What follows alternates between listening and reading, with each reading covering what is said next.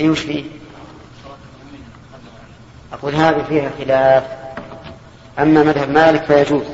ومذهب الجمهور لا يجوز واختار الشيخ الإسلام ابن تيمية التفصيل أنه عند الضرورة لا بأس أن يتقدم المأموم على الإمام ولعل هذا أقرب الأقوال نعم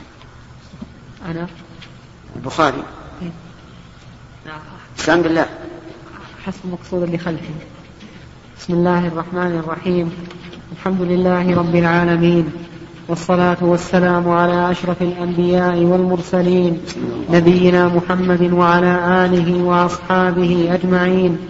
أما بعد فقد قال الإمام البخاري رحمه الله تعالى في صحيحه بسم الله الرحمن الرحيم كتاب الجمعة باب فرض الجمعة لقول الله تعالى إذا نودي للصلاة من يوم الجمعة فاسعوا إلى ذكر الله وذروا البيع ذلكم خير لكم إن كنتم تعلمون البخاري رحمه الله صحيحه حديث وفقه ولذلك يترجم ويأتي بالترجمة مطابقة لما يقتضيه الحديث الذي يسوقه وبهذا يمتاز عن مسلم رحمه الله ويمتاز مسلم بأنه يجمع الطرق الحديث في مكان واحد فيريح الإنسان ولكل منهما وجهة نظر صدر المؤلف رحمه الله فر جمعة بقوله تعالى يا أيها الذين آمنوا إذا نودي للصلاة من يوم الجمعة فاسعوا إلى ذكر الله نودي من المنادي المؤذن وقوله من يوم الجمعة يقيل أن هناك نداء آخر غير يوم الجمعة وهو النداء للصلوات الخمس كما هو معروف فاسعوا إلى ذكر الله أي امشوا والسعي هنا المراد به المشي وليس المراد به الركض لأن النبي صلى الله عليه وسلم نهى عن السعي لمن مشى إلى الصلاة والسعي يطلق على مجرد العمل كما في قوله تعالى ومن أراد الآخرة وسعى لها إيش سعى لها سعيها ومعنى ركض لها وقوله إلى ذكر الله يفيد أن الخطبة من ذكر الله ونستفيد من هذا فائدة مهمة وهي أن العلم تعليمه وتعلمه من من ذكر الله لأن الخطبة ما هي إلا إلا تعليم للعلم وتعلم له و وقول ذا البيع اتركوه اتركوا البيع وإنما نص على البيع لأنه هو الذي يقع كثيرا فهل مثله بقية العقود؟ قال بعض أهل العلم إنما كان مشابها للبيع من كونه معاوضة فهو مثله وعلى هذا فيجب آه، ترك التأجير لأن التأجير بيع منفعة في الواقع وما أشبه ذلك وأما الهبة فلا بأس بها عقد النكاح لا بأس به وما أشبه ذلك ولكن الصواب أنه يجب ترك جميع ما ما يشغل عن آه، السعي إلى ذكر الله كل ما يشغل من هبة أو عقد نكاح أو رهن أو ارتهان أو غير ذلك وأما آه، نعم وأما النص على البيع فلأنه الغالب وقول ذلكم خير لكم ذلكم أي سعيكم إلى ذكر الله وترك البيع خير لكم منين؟ من بقائكم في البيع والشراء وقول إن كنتم تعلمون هذه الجملة مستقلة لا ينبغي للقارئ أن يصلها بما قبلها بل يقف ذلكم خير لكم لأنك لو وصل لو وصلت وقلت ذلكم خير لكم إن كنتم تعلمون صار كونه خيرا لنا مقيدا بما لا بما إذا كنا نعلم وليس كذلك الأمر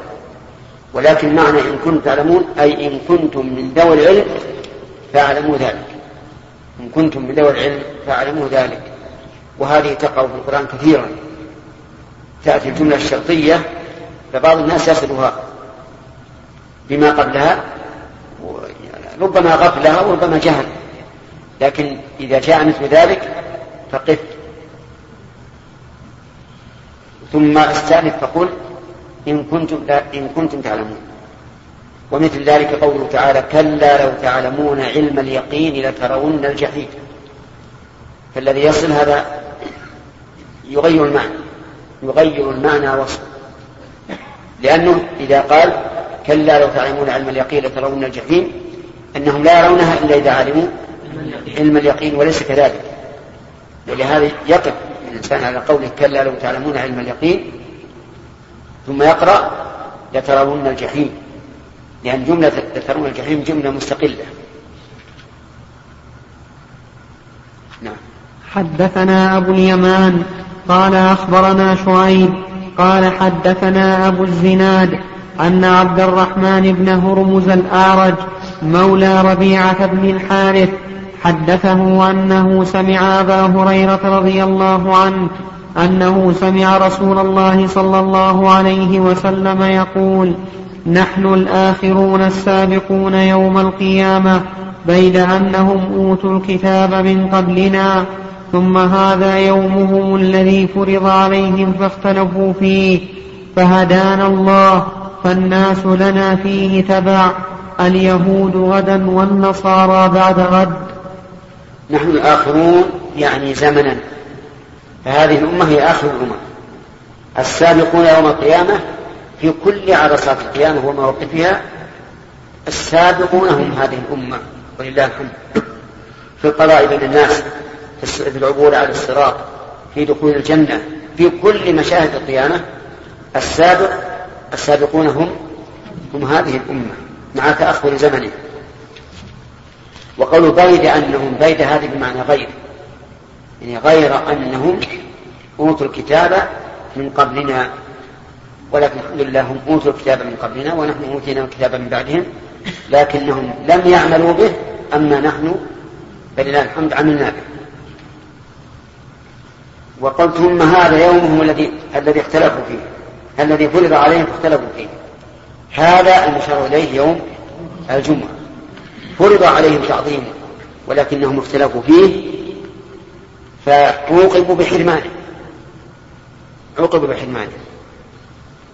إنما جعل السبت على الذين اختلفوا فيه فصار خلاف بين اليهود والنصارى بعد أن اختلفوا في يوم الجمعة اختلفوا أيضا في يوم السبت فكان لليهود السبت وكان للنصارى الأحد وهذه من حكمة الله عز وجل أن يسر الله اختلافهم حتى يكون المصيبون هم هذه الأمة اختلفوا فصاروا تبعا لنا اليهود يوم السبت والنصارى يوم يوم الأحد الشاهد من هذا الحديث قوله الذي فرض عليهم مطابق الترجمة تماما حيث قال باب فرض الجمعة نعم كيف؟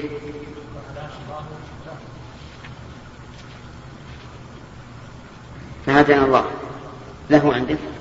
لا من عندك ها؟ ما هي موجودة؟ موجودة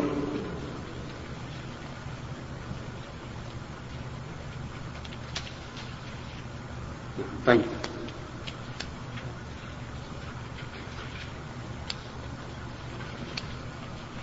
يلا امشي اقرأ وقت السؤال باب فضل الغسل يوم الجمعة وهل على الصبي شهود يوم الجمعة أو على النساء حدثنا عبد الله بن يوسف قال أخبرنا مالك عن نافع عن عبد الله بن عمر رضي الله عنهما أن رسول الله صلى الله عليه وسلم قال إذا جاء أحدكم الجمعة فليغتسل قوله إذا جاء أحدكم أي أراد المجيء لكن تعبيره عن إرادة المجيء بالمجيء يدل على أنه ينبغي أن يكون الغسل عند عند المجيء حتى لا يكون هناك زمن يحصل فيه العرق أو ما أشبه ذلك ف... ولهذا قال العلماء رحمهم الله إن الغسل عند المضي إلى الصلاة أفضل من تقدمه لكن لو اغتسل مثلا بعد طلوع الشمس ولم يذهب إلى المصلى إلا في الساعة الخامسة أجزاء ولكن الأفضل أن يكون اغتساله عند ذهابه وعلم من هذا أن من لم يأتي الجمعة فلا غسل عليه كالمريض والمرأة وما أشبه ذلك نعم حدثنا عبد الله بن محمد بن أسماء قال أخبرنا جويرية عن مالك عن الزهري عن سالم بن عبد الله بن عمر عن ابن عمر رضي الله عنهما أن عمر بن الخطاب بينما هو قائم في الخطبة يوم الجمعة إذ دخل رجل من المهاجرين الأولين من أصحاب النبي صلى الله عليه وسلم فناداه عمر أية ساعة هذه قال إني شغلت فلم أنقلب إلى أهلي حتى سمعت التأذين فلم أزد أن توضأت فقال والوضوء أيضا وقد علمت أن رسول الله صلى الله عليه وسلم كان يأمر بالغسل حدثنا المراد بالرجل هنا عثمان بن عفان رضي الله عنه لكن أخفاه بعض الرواة لأن لأنه قد يستبشر الإنسان أن يكون عثمان رضي الله عنه يدع ينشغل عن صلاة الجمعة حتى يؤذن ولكن لا غرابة إن النبي صلى الله عليه وسلم قال من نام عن صلاة أو نسيها فالإنسان قد ينشغل عن الصلاة ما هو عن تقدم الجمعة فقط عن الصلاة ومع هذا يقول عليه الصلاة والسلام فليصليها إذا ذكر وفي هذا الحديث دليل على وجوب وصل الجمعة وإن كان ظاهر صنيع البخاري رحمه الله أنه لا يرى الوجوب لأنه قال باب فضل الغسل نعم ولكن الصحيح أنه واجب وفيه أيضا أن الإنسان إذا خاف أن تفوت الخطبة أو الصلاة قبل أن يغتسل فلا يغتسل لأن هذا الغسل للصلاة فلا ينبغي أن يكون مفوتا للصلاة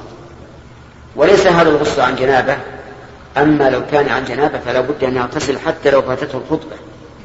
حتى لو فاتته الصلاة أيضا لا بد أن يغتسل إذا كان عن جنابة أما هذا فليس عن جنابة وإنما هو واجب للجمعة وليس من شرطها وبه نعرف أن الإنسان لو نوى بغسله للجمعة لو نوى أن يكون أن يكتفي به عن عن الوضوء فإنه لا يجزئه لأن الوضوء عن إيش الوضوء عن إيش عن حدث وهذا الغسل ليس عن حدث لكن لو أنه توضأ قبل صلاة الجمعة الوضوء المعتاد ثم اغتسل فلا بأس لكن لو نوى بالغسل فقط آه، الوضوء فإنه لا يجزئ لأنه لعدم وجود لعدم الترتيب نعم. حدثنا عبد الله نعم. ما جاء السؤال يا شيخ مات السؤال ما انتهى الباب ما انتهى الباب باقي طيب ما بدي حديث طيب على كل حال أراك لا بأس احنا من باب النظام لا أبدا أنا واثق حدثنا عبد الله بن يوسف قال أخبرنا مالك عن صفوان بن سليم عن عطاء بن يسار عن أبي سعيد الخدري رضي الله عنه أن رسول الله صلى الله عليه وسلم قال غسل يوم الجمعة واجب على كل محتلم قول غسل الجمعة هذا قد يقال إنه من باب إضافة الشيء إلى وقته كما تقول نوم الليل وقد يقال إنه من باب إضافة الشيء إلى سببه وكلاهما صحيح وقول واجب بمعنى ثابت لازم وقول على كل محتلم أي بالغ وهذا الحديث نص في الوجوب وذكر وجوبه على وصف يقتضي الإلزام وهو الاحتلام إذ أن من ليس محتلما ليس مكلفا فلما ذكر الوصف الذي يقتضي الإلزام دل على أن المراد بالوجوب هنا الإلزام وهو الصحيح نعم يا محمد لا لأنه يرى عدم الوجود ها؟ أقول يرى عدم الوجود هذا باب فضل وين؟ في باب ايش؟ نعم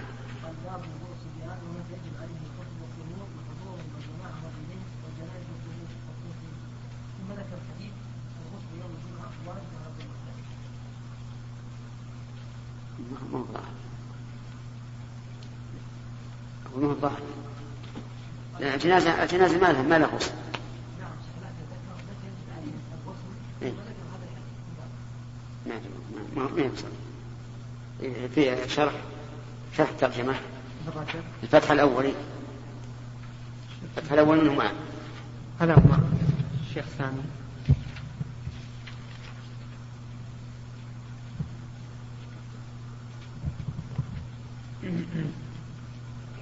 هنا يقول باب فضل الغسل يوم الجمعة وهل على الصبي شهود يوم الجمعة أو على النساء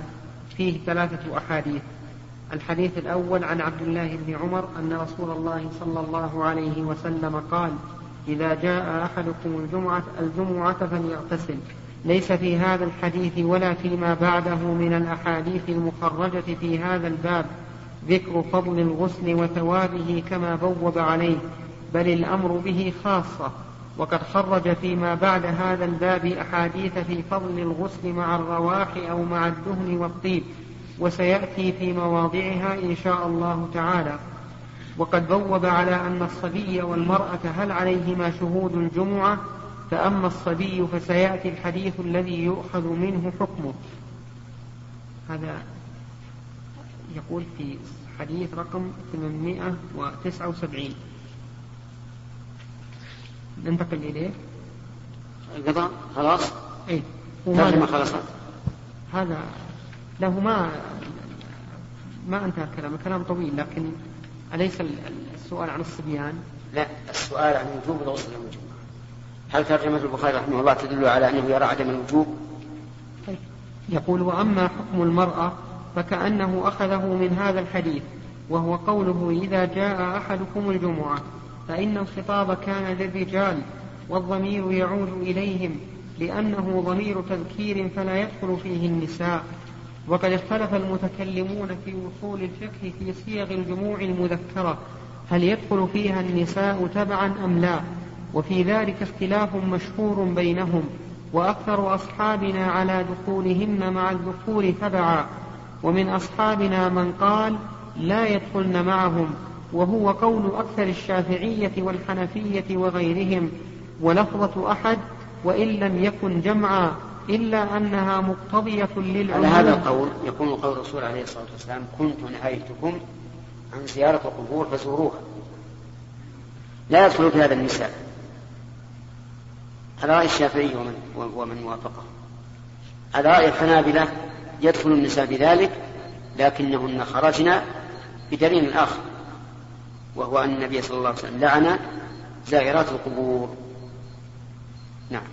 ولفظة أحد وإن لم يكن جمعا إلا أنها مقتضية للعموم إما بطريق البدلية أو الشمول كما في قوله تعالى لا نفرق بين أحد من رسله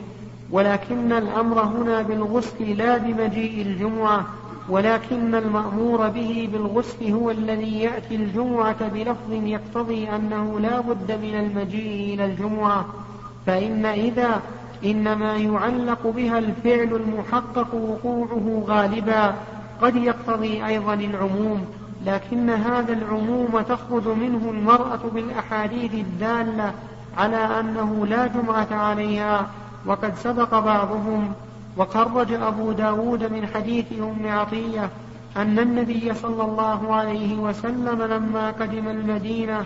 جمع نساء الأنصار في بيت فأرسل إليهن عمر فقال أنا رسول رسول الله صلى الله عليه وسلم إليكن وأمرنا بالعيدين أن يخرج فيهما الحيض والعتق ولا جمعة علينا وقد حكى ابن المنذر وغيره الإجماع على أن النساء لا تجب عليهن الجمعة وعلى أنهن إذا صلينا الجمعة خرج خرج ها؟ أي نعم إيش؟ نعم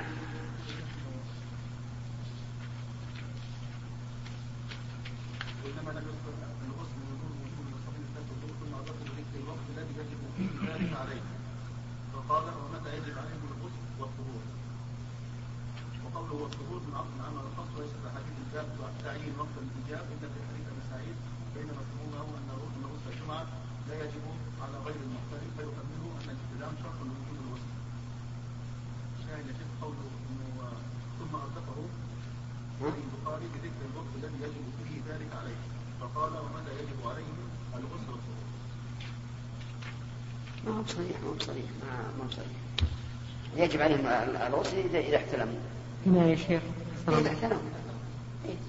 صلاة الجنازة هنا يقول باب فضل الغسل يوم الجمعة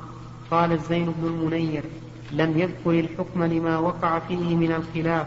واقتصر على الفضل لأن معناه الترغيب فيه وهو القدر الذي تتفق الأدلة على ثبوته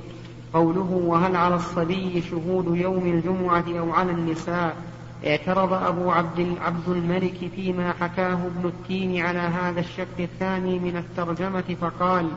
ترجم هل على الصبي أو النساء جمعة وأورد إذا جاء أحدكم الجمعة فليغتسل وليس فيه ذكر وجوب شهود ولا غيره وأجاب ابن التين بأنه أراد سقوط الوجوب عنهم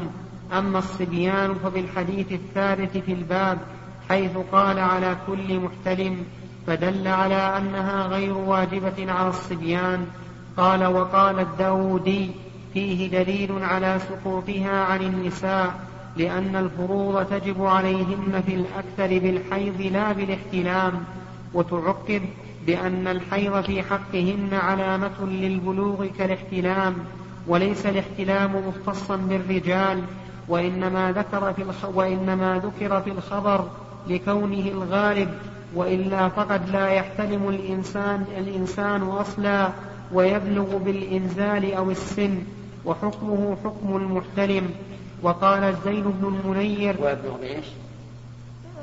ويبلغ بالإنزال أو السن يعني الإنبات أي نعم لأنه نفى الإنزال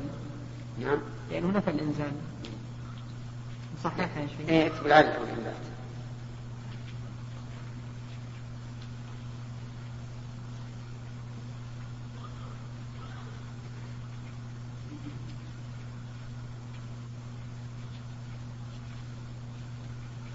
حكمه حكم المحتلم وقال الزين بن المنير إنما أشار إلى أن غسل الجمعة شرع شرع للرواح إليها كما دلت عليه الأخبار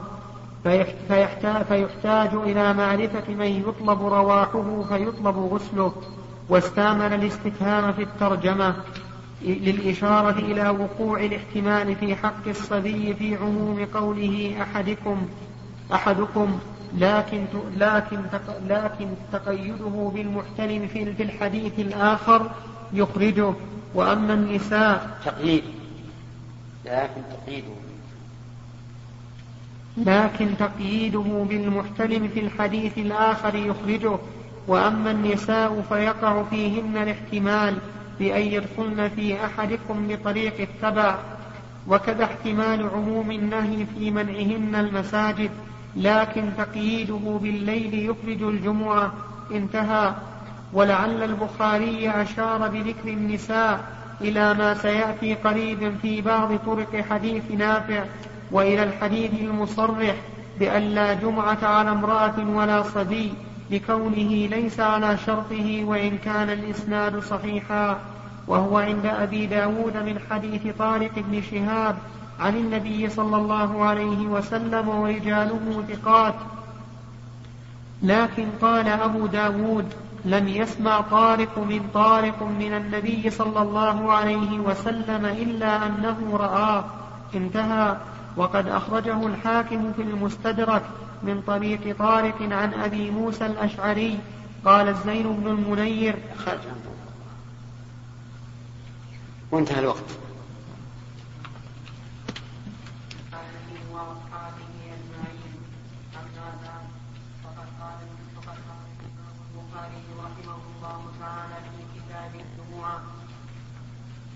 باب قيم الجمعة حدثنا علي قال حدثنا قال حدثنا حرمي بن عمارة قال حدثنا شعبة عن أبي بكر بن المنكدر قال حدثني عمرو بن حنين الأنصاري قال أشهد على أبي سعيد قال أشهد على رسول الله صلى الله عليه وسلم أنه قال الغسل يوم الجمعة واجب على كل مختلف وأن يفتن وأن يمس طيبا إن وجد قال عمرو أما الغسل فأشهد أنه واجب وأما الاهتمام والطيب فالله أعلم أواجب هو أم لا ولكن هكذا في الحديث قال أبو عبد الله هو أخو محمد بن المنكدر ولم يسمى أبو بكر هذا رواه عنه خير بن الأشد وسعيد بن أبي هلال وعده وكان محمد بن المنكدر يكنى بأبي بكر وأبي عبد الله هذا الحين سبق لنا حديث ابي سعيد ان النبي صلى الله عليه وسلم قال الغسل يوم الجمعه واجب على كل محتلم وان يستنى وان يمس طيبه ان وجد ان يستنى يعني يتسوق والظاهر ان هذا التسوق أكثر من التسوق المعتاد المشروع عند كل صلاة وقال أن يمس طيبا إن وجد وقوله إن وجد من المعلوم أنه إذا لم يجد لن يمس لكن فيها التحريض على أن يجد وأن يستعد الإنسان للطيب يوم الجمعة قال عمرو أما الغسل وهو عمرو بن سليم أما الغسل فأشهد أنه واجب وأما الاستنان والطيب فالله أعلم أواجب هو أم لا ولكن هكذا بالحديث وهذا لا يضر يعني كون الرسول عليه الصلاة والسلام جمع بينهما بينهن في حديث واحد لأنه قد يجمع بين الأشياء في سياق واحد وتختلف كما في قوله تعالى والخيل والبغال والحمير لتركبوها وزينة ويخلق ما لا تعلمون فإن الخيل قنت هنا بالبغال والحمير مع أنها حلال والبغال والحمير حرام هذا يمكن أن يقال إن غسل الجمعة واجب لأن فيه أحاديث مستقلة أمر فيها النبي صلى الله عليه وسلم بالغسل كما في حديث عمر السابق وغيره فيكون ذلك قرينة على أن الغسل يوم الجمعة واجب وأما الاستنان والتطيب فإنه سنة اقرأ الله قال أبو عبد الله شوف الشرف يقول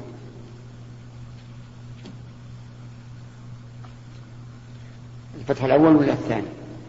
نعم الفتح الثاني مع الإخوان الإنسان في زيادة ولا شيء نعم آه، علي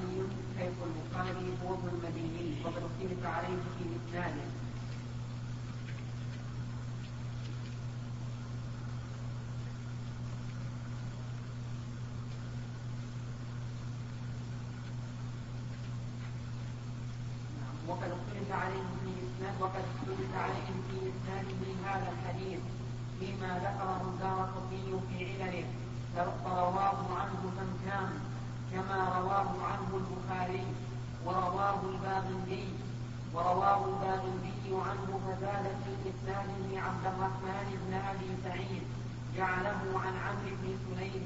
الرحمن عن أبيه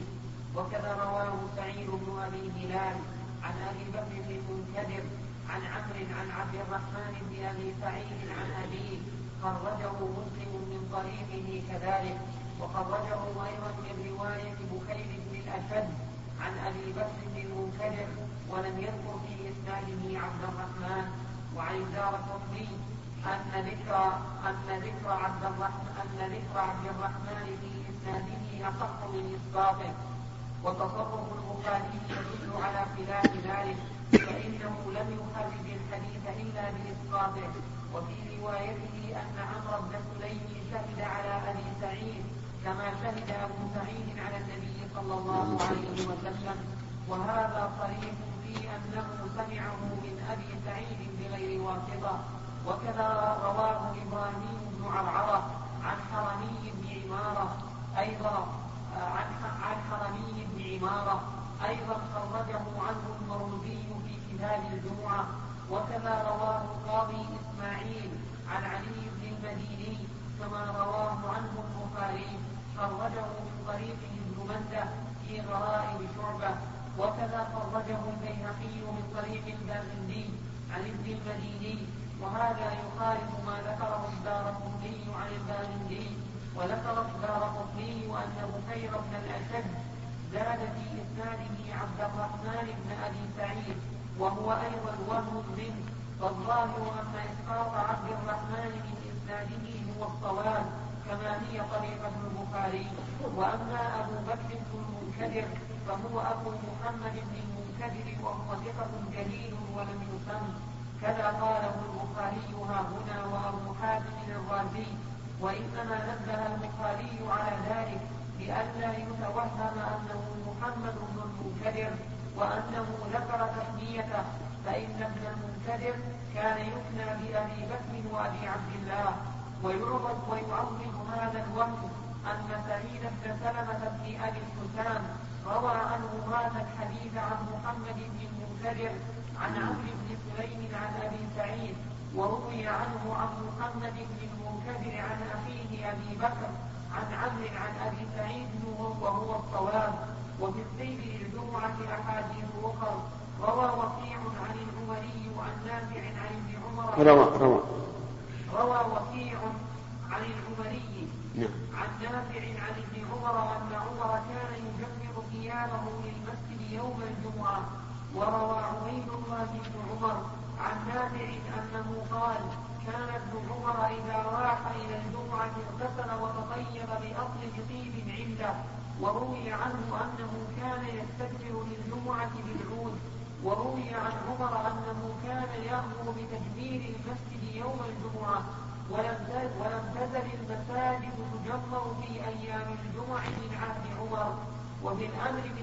في هذه الجمعة حديث مرفوع خرجه ابن ماجه من حديث واثرة بن الأسقع وإسناده ضعيف جدا ومذهب مالك أن يتصدق بثمن ما أن, أن يتصدق بثمن ما يجمر به المسجد أو يحل أو أو أو أو يحلق يخلق يخلق يعني يطلب الخلوق نوع من الطيب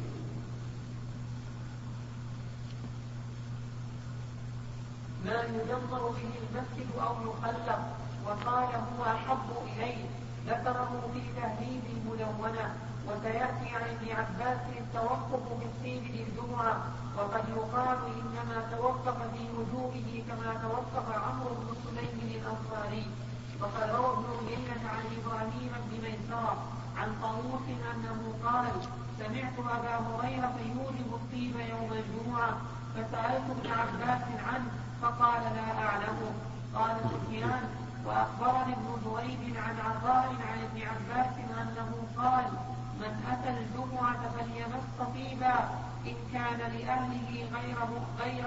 ممن تركه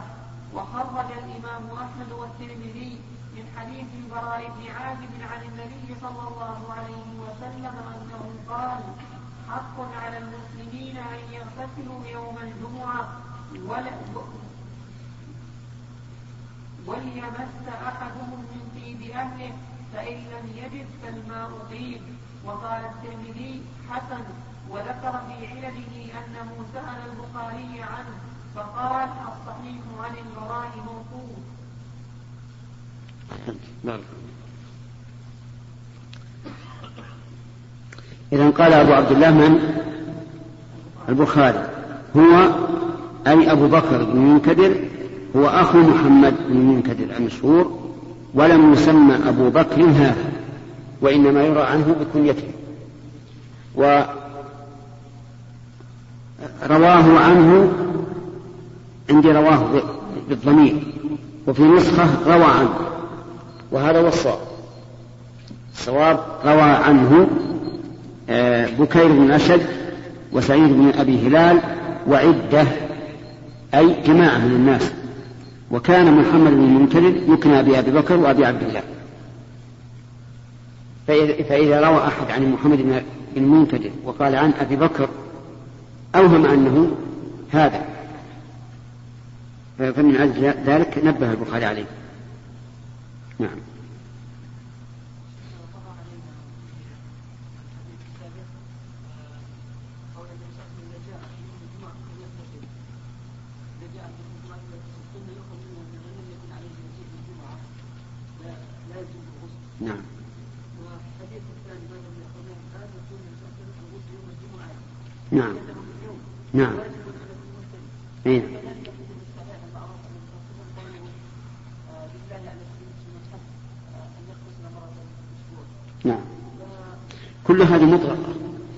يقيد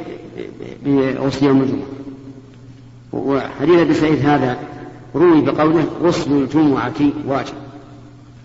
نعم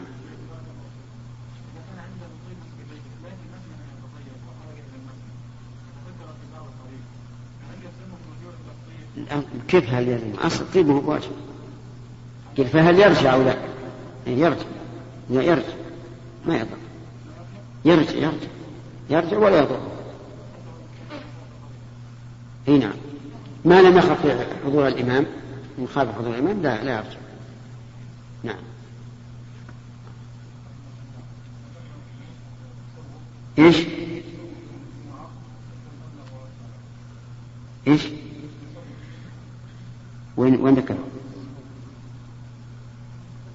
اين ذكر ها اي نعم نعم نعم كانه استنان خارج عن هذا كيف؟ إيه سواك المعجون أبلغ من السواك العادي لأنه ينظف أكثر فيه جلك الأسنان بالفرشة وفي أيضا الصبو الرغو هذا نعم إيش يدرك السنة ما في إشكال السنة نعم نعم حدثنا عبد الله بن يوسف قال أخبرنا مالك عن سمي مولى أبي بكر بن عبد الرحمن عن أبي صالح السمان عن أبي هريرة رضي الله عنه أن رسول الله صلى الله عليه وسلم قال من اغتسل يوم الجمعة غسل الجنابة ثم روح فكأنما قرب بدنه ومن راح في الساعة الثانية فكأنما قرب بقرة ومن راح في الساعة الثالثة فكأنما قرب كبشا أقرا ومن راح في الساعة الرابعة فكأنما قرب دجاجة ومن راح في الساعة الخامسة فكأنما قرب بيضة فإذا خرج الإمام حضرت الملائكة يستمعون الذكر سبق الكلام على هذا وبينا أن معنى قوله غسل الجمعة أو غسل الجنابة يعني مثل غسل الجنابة وأنه يحصل الأجر وإن لم يجنب الإنسان في ذلك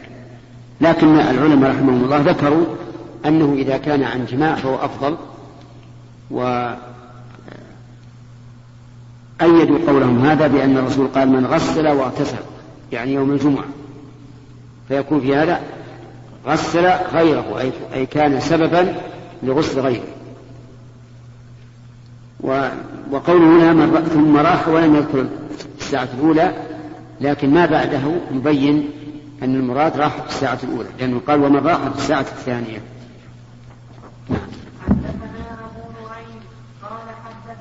نعم, نعم، عندي باب باب ما نعم، عندك؟ عندنا باب وسبق أن البخاري رحمه الله يجعل الباب بمنزلة الفصل إذا قال باب ولم يذكر ترجمة فهو بمعنى فصل نعم حدثنا أبو نعيم قال حدثنا شيبان عن يحيى عن أبي سلمة عن أبي هريرة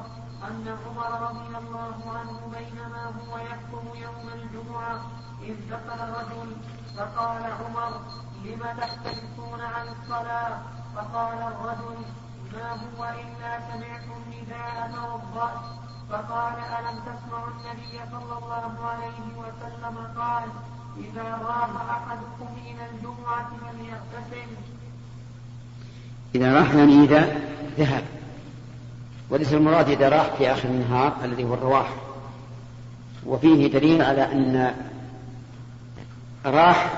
تستعمل في اللغة العربية بمعنى ذهب كما هي اللغة العرفية الآن والله أعلم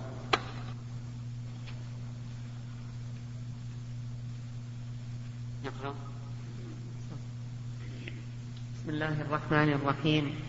الحمد لله رب العالمين والصلاة والسلام على أشرف الأنبياء والمرسلين نبينا محمد وعلى آله وأصحابه أجمعين أما بعد فقد قال الإمام البخاري رحمه الله تعالى في كتاب الجمعة باب الدهن للجمعة حدثنا آدم قال حدثنا ابن أبي ذئب عن سعيد المقبري قال أخبرني أبي عن ابن وديعة عن سلمان الفارسي أنه قال قال النبي صلى الله عليه وسلم لا يغتسل رجل يوم الجمعة ويتطهر ما استطاع من طهر ويدهن ويدهن من دهنه أو يمس من طيب بيته ثم يخرج فلا يفرق بين اثنين ثم يصلي ما كتب له ثم ينصت إذا تكلم الإمام إلا غفر له ما بينه وبين الجمعة الأخرى في هذا دليل على انه ينبغي الانسان ان ياتي بهذه الاوصاف والافعال التي ذكرها الرسول عليه الصلاه والسلام. الاغتسال يوم الجمعه وكمال التطهير بقدر المستطاع والادهان من الدهن او قال يمس من طيب بيته والمراد الطيب ولو من طيب البيت. وطيب البيت في الغالب لا يكون قوي الرائحه لأنه طيب امرأة كما جاء في بعض الروايات من طيب أهله يعني أن أدنى طيب يكفي ولكن الأفضل أن يكون من أطيب ما يجب وأيضا يخرج فلا يفرق بين اثنين إلا إذا كان بينهما فرجة وجلس فيها فلا بأس لكن أن يجلس بينهما فيضيق عليهما ويفرق بينهما هذا جناية وأدب وأيضا آه، ثم يصلي ما كتب له ولم يحدد الرسول عليه الصلاة والسلام وهذا دليل على أن الجمعة ليس لها سنة راتبة قبلها وهو كذلك يصلي ما شاء ثم ينصت إذا تكلم الإمام وظاهر هذا الحديث أن الصلاة متصلة بخروج الإمام فاستدل به بعض العلماء أنه لا نهي عند الزوال في صلاة الجمعة لأن الإمام يأتي مع الزوال أو قبيل الزوال أو بعد الزوال بيسير وهذا يقتضي أن لا نهي ولكن هذا لا يقوى على تخصيص الأحاديث الدالة على النهي عن الصلاة عند قيام الشمس حتى تزول ولهذا كان القول القول الراجح أنه